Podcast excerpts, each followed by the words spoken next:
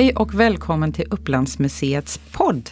Det här är andra poddavsnittet och idag ska vi prata om något som är både världsunikt och typiskt för Uppland.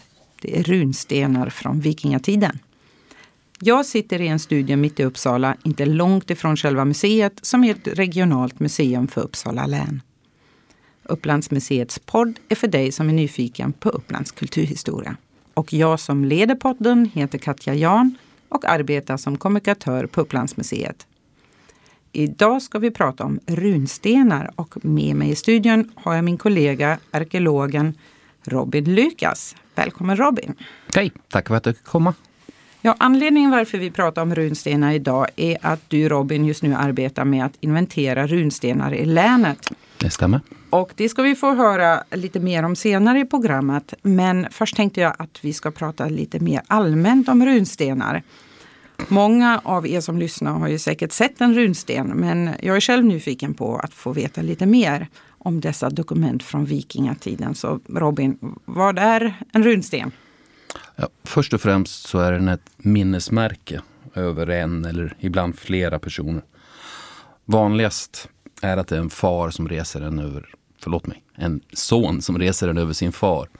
Eh, men det flera olika släktkonstellationer kan omnämnas på en sten. Men vad som är viktigt, det är att själva relationen framgår.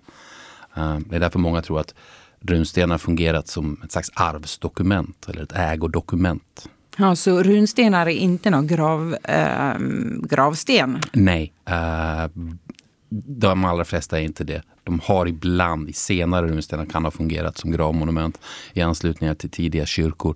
Men de flesta är bara minnesmärken. Ja, och de stod alltså inte där någon är begravd utan nej, på nej. något annat ställe? Där på något de... annat ställe. De står antagligen på personen i frågas äga. De har fungerat som en ägomarkering också. Mm. Eh, och så tänker jag, ja, runstenar, det, de är från vikingatiden. Men lite närmare bestämt då, från när är de, åtminstone de, de uppländska runstenarna? De allra flesta uh, kan dateras från i princip under 1000-talet. Sträcker sig också in i 1100-talet en del. Uh, det finns enstaka runstenar redan på 500-talet men de är skrivna på ett helt annat sätt. Det är en enkel, väldigt svårförståelig uh, inskription som man ofta inte kan tyda. Mm. Uh, det finns inte många av dem. Så de runstenarna som vi, vi ser här om, omkring, de är ungefär tusen år Tusental, gamla? Ja, är ungefär tusen år gamla. Ja. Och, och, vem var det som överhuvudtaget började med, med Teresa runstenar? Ja, något av en trendsetter. Det var ju faktiskt um, kung Harald Blåtand av Danmark. Som uh, ungefär 960 så reste han en sten i Gälling på södra Jylland över sina föräldrar. Men framförallt så reste han den efter sig själv. Och han skrev på den var den Harald som lagt under sig hela Danmark och Norge och som kristnade danerna. Um, det är ju inte lite skrytsamt. Men uh, det var också ett sätt att etablera att man hade överhögheten över Danmark. Nu är det inte säkert att han hade det, men han hade i alla fall ambitionen att ha överhögheten över Danmark. Okej, okay, men, men, han var trendsättare. Du menar som lite grann då, då drog det igång med då den drog stora... det igång och det, det spred sig till, till Skåne, till eh, Halland, eh, Västergötland och så småningom så kom det också upp till Uppland. Jaha, men jag, jag, tänker mig att Uppland är, är ett landskap med, med många runstenar. Oh ja, oh ja. Um, Sverige har ju nästan 2800 runstenar eller inskriptioner. Uh, och närmare hälften av dem finns i Uppland.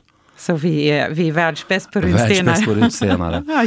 ja, uh, det, det, det, är, uh, menar, att jämföra, hela Danmark har 273 runstenar. Ja, och hur är det med Norge? Norge 130 någonting. Ja, det är framförallt här alltså? Ja, det är framförallt här. Oh, De framför... finns också lite grann, finns ett 50-tal i Storbritannien.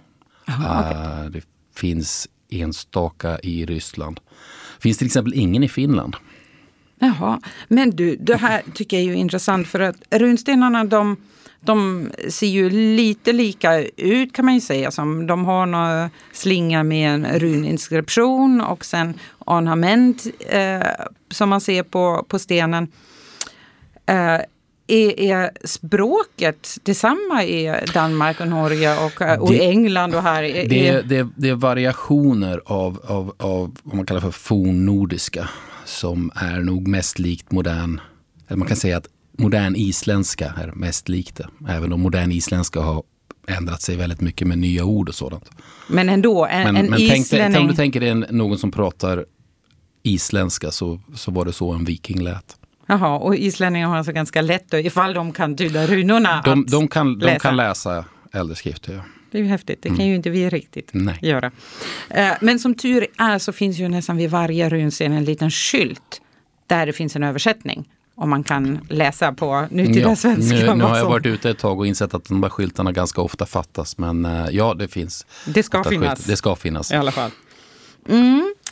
Um, och då tänker jag det här vad man ser då på runstenarna. Att man ser den här slingan med, med runor och runorna är ju vårt första skriftspråk. Ja, det, är ett, det är ett skriftspråk som är egentligen baserat på det latinska alfabetet och möjligtvis också det gamla grekiska alfabetet. Uh, det har antagligen uppstått någon gång på 1-200-talet någonstans av, av någon nordbo som var nere på kontinenten och blev influerad. Ja, men det ser inte ut som alfabetet. Man har ju gjort det som något eget. Det kallas för futark, eller egentligen futhark, efter de första sex runorna. Mm. Och då äh, finns då på runstenarna en runstens, eller runslingan där det ofta står någonting i stil med Viking A gjorde den här stenen till minne för Viking B och Viking C ristade mm. stenar. Un, ungefär sådär.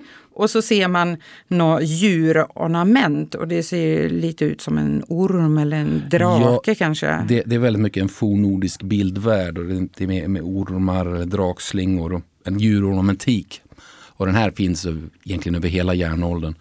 Uh, men det, det, är, det är väldigt det markerar en väldigt skandinavisk identitet. Mm, och har du någon aning om, du får gissa nu, vad, vad betyder den där, det här djuret? Är det som Midgårdsormen? Eller? Det kan vara Midgårdsormen. Det finns också otaliga eh, sagor som tar upp olika Mm, så väsen. det är lite, lite höljd i tidens dunkel där? Ja. Lite grann, men det här kontrasterar ju ganska rejält med att eh, de flesta runstenar faktiskt är kristna. De har kors eller eller kristna böner. Ungefär 70 procent har antingen kors eh, och eller eh, en bön. Och det överraskar mig. Jag tänker som vikingar, de är ju hedningar, de är inga kristna. Ja, det här, Så var det inte. Nej. Det här sker ju under den period som kristendomen vinner frammarsch.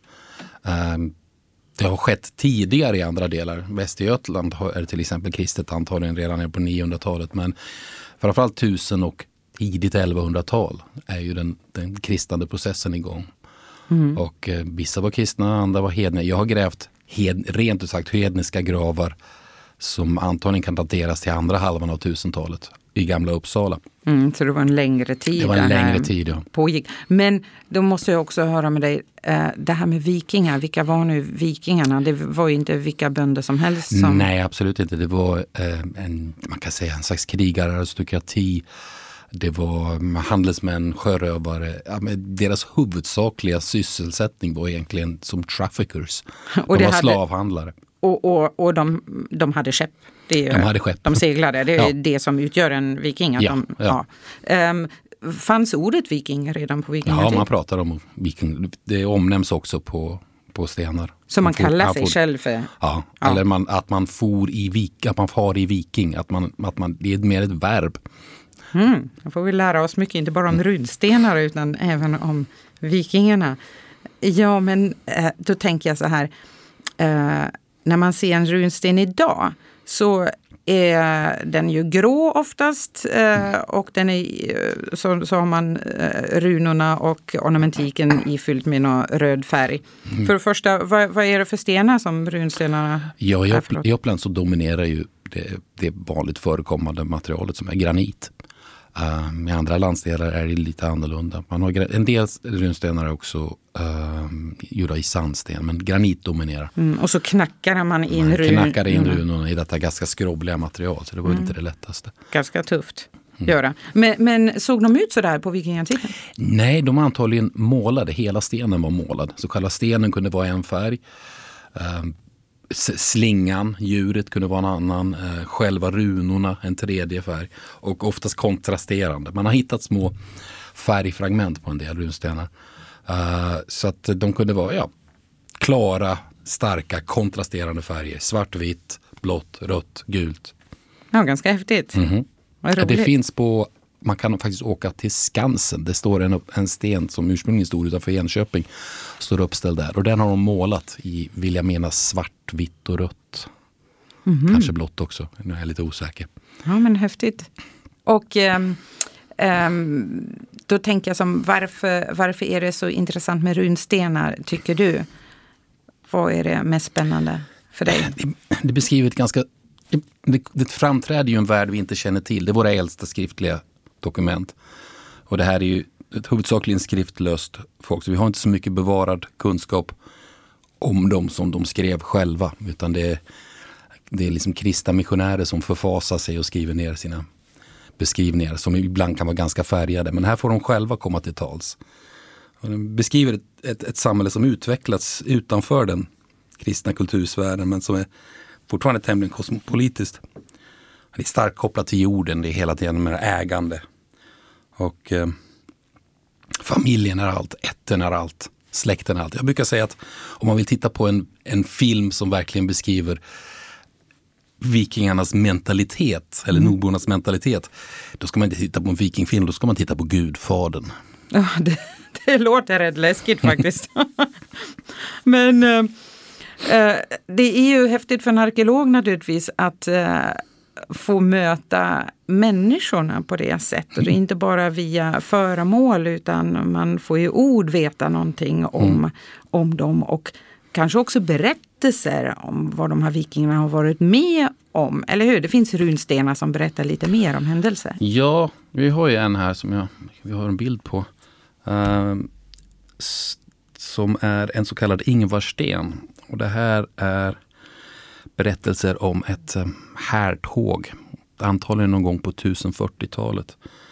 Då ett antal vikingar ger sig iväg tillsammans med en Ingvar, Ingvar Vittfarne på en händelserik resa för, genom eh, Gårdarika, alltså föregångaren till Ryssland och senare vidare ner till områdena kring Kaspiska havet. Det var en lång resa. Det var en lång resa och det verkar som om det var inte så många som kom tillbaks. För att det finns ett 40-tal runstenar runt om i Mälardalen som beskriver hur eh, de dog. Eh, den här eh, står vid, vad heter det nu? Skansundet? Nej, Varpsund. Varpsund, ja, just Nere på gränsen mm. mellan Håbo och Enköpings kommuner. Och Inskriften är Andvet och Kar och Kiti och Blisi och Järv reste denna sten efter Gunleif, deras fader. Han blev dräpt österut med Ingvar, Gud hjälpa hans ande. Aldrig rustade runorna, han kunde väl styra skeppet. Okej, okay, då får man ju veta ganska mycket. Då har du alltså bröder som, som lät mm. resa stenen efter sin, efter, efter sin far. far som då kanske var styrman eller kapten, eller kapten på något eget skepp. Och han blev då dödad på den här resan. Mm. Och som jag förstår det är väl ganska många stenar som berättar om det här katastrofala vikingatåget. Mm. Det måste ha varit många som har varit med. Ja, kanske ett tusental. Alltså. Det, det, var, det var en rejäl um, härskara. Och då tänker man, sen, vilken katastrof. Ja, men på något sätt kommer jag tänka på Estonia.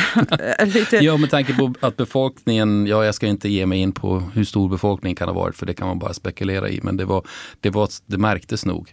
Ja, man kan tänka varje stormannafamilj hade kanske någon bror eller far som var med på den här resan och kom inte mm. tillbaka. Jajamän. Vilken jättekatastrof. Mm. Det var det. Och det får vi veta om här, bland annat på de här runstenarna. Det är ju jättespännande. Men du Robin, vi gör en liten paus nu och så återkommer vi.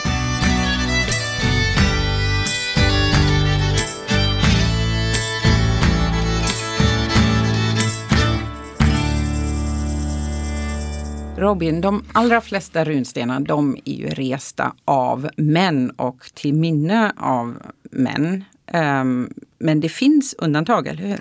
Ja, uh, det finns faktiskt i Uppland finns det nog, är det något vanligare med runstenar som har rest av kvinnor än i andra delar av landet. Det är fortfarande män som dominerar.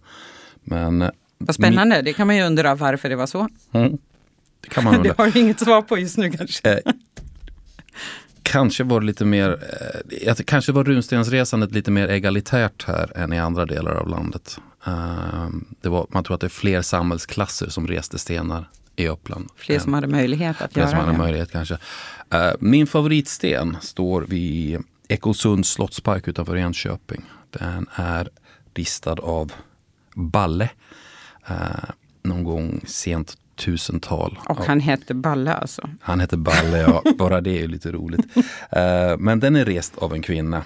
Det står Gyda lät resa stenen efter Torjärv, sin man, Gullugs son. Och han bodde i Härvesta. Balle ristade stenen. Um, det här är ju roligt av flera. Det är, det är en kvinna som har rest den, men, och Balle är alltid roligt som sagt.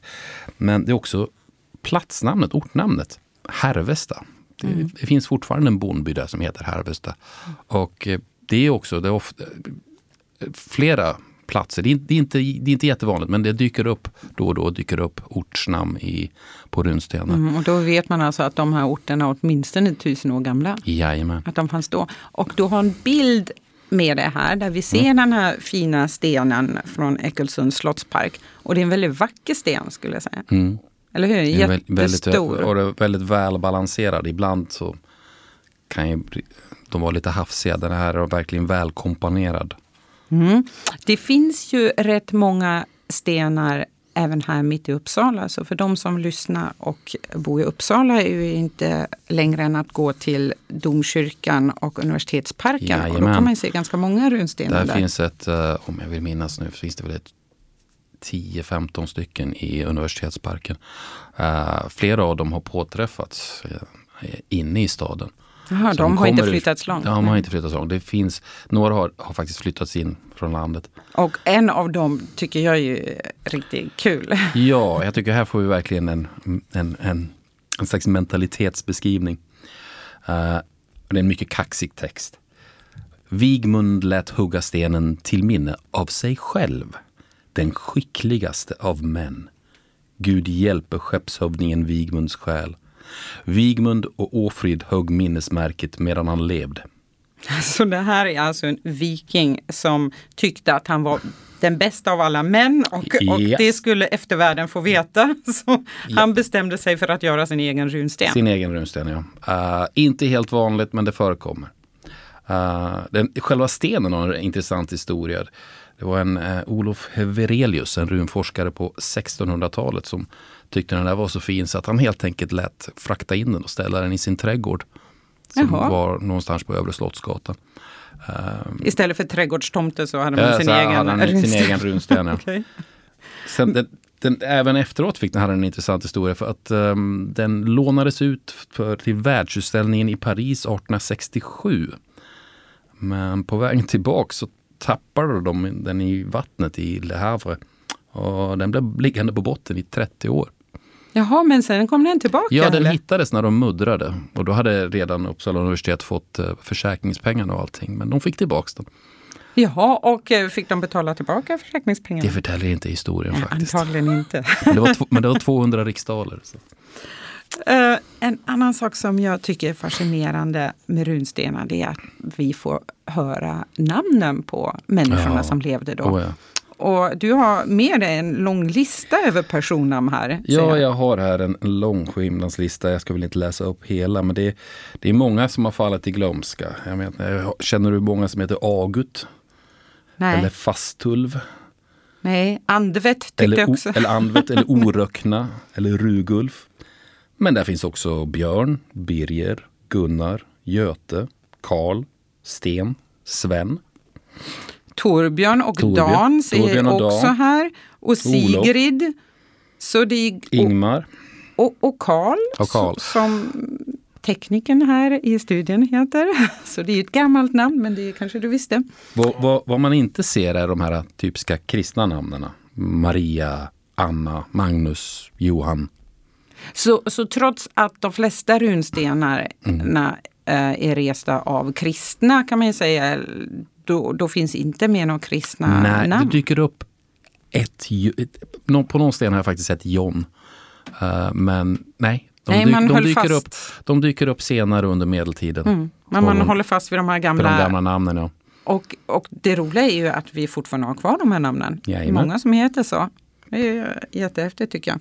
Vilket ju måste betyda att den kristna kyrkan inte tyckte det var något hemskt att folk nej, hette något nej, på många sätt så, så är det ju en, en, fornnordiskt.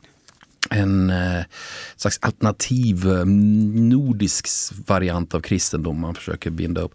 Vad som inte har, vad som inte har kommit än är ju det här organiserade präst och munkväsendet med kloster. Det är de som på många sätt står för liksom den kristna makten på senare under medeltiden. Men nu är det liksom enstaka missionärer.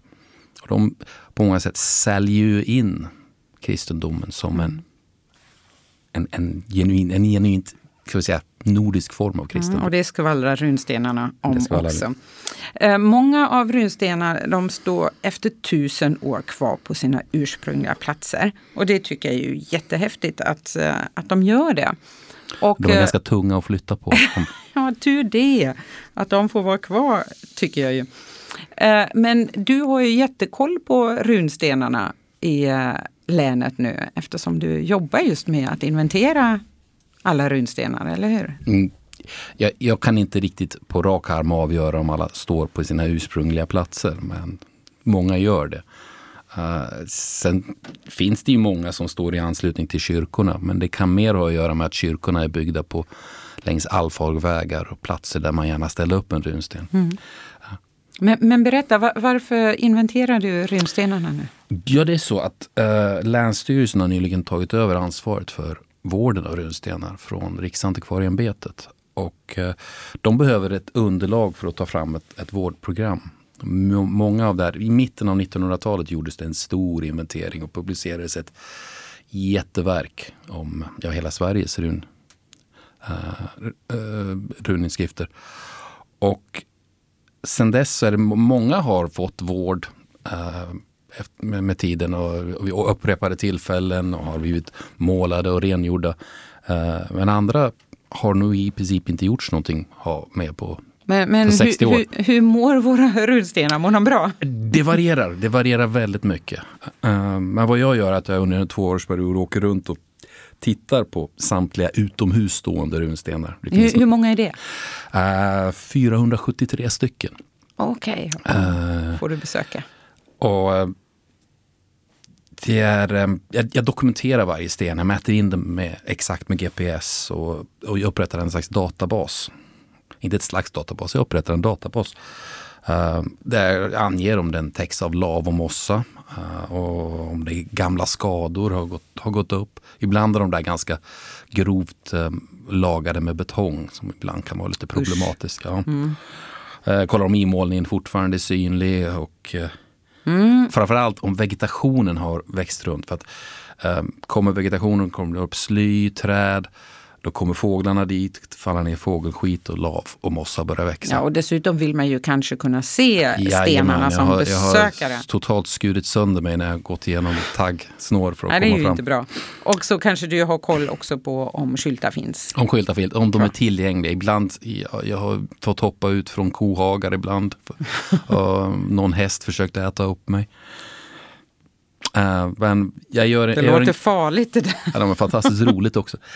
Jag gör en, en grundlig fotodokumentation också. Uh, Just det, och då fotograferar du runstenar så att man kan se dem i 3D? Har förstått det rätt? Då, där jag kommer åt, ibland är det för mycket buskar, men där jag kommer åt så gör jag en 3D-fotografering. Mm, och går... de av våra lyssnare som gärna vill titta på det, finns det möjlighet att, ja, att se? Ja, uh, jag lägger upp dem på en community. Som, om ni googlar på Upplandsmuseet och Sketchfab, S-K-E-T-C-H F-A-B, så är det en community där uh, man, kan lägga, man lägger upp sådana. Och där finns, oh, kan det vara ett 30-tal olika så jag har lyckats Som du har som gjort, har gjort. hittills. Mm. Uh, hur, hur många runstenar har du hunnit besöka? Uh, I och med igår när jag var ute så har jag väl hunnit med 250 kanske.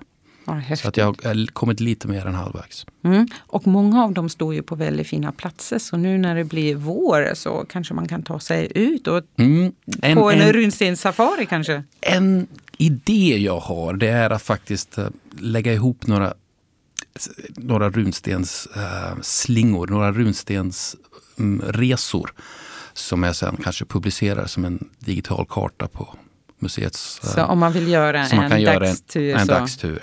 Ja. och, och titta på Och titta runstenar på runstenarna. Ja. Vad häftigt. Eh, ett problem jag kan ju inte direkt ta med några som står inne i någons trädgård, vilket är ganska vanligt. Jag var ner, en mycket arg eh, godsägare körde bort mig från sina ägor nyligen. Okej, eh, de värnar om sina egna runstenar. Mm. Eh, men eh, Men många kan man besöka. många kan man besöka och många, många står så att man kan se dem. Runstenar stod ju ofta vid vägar.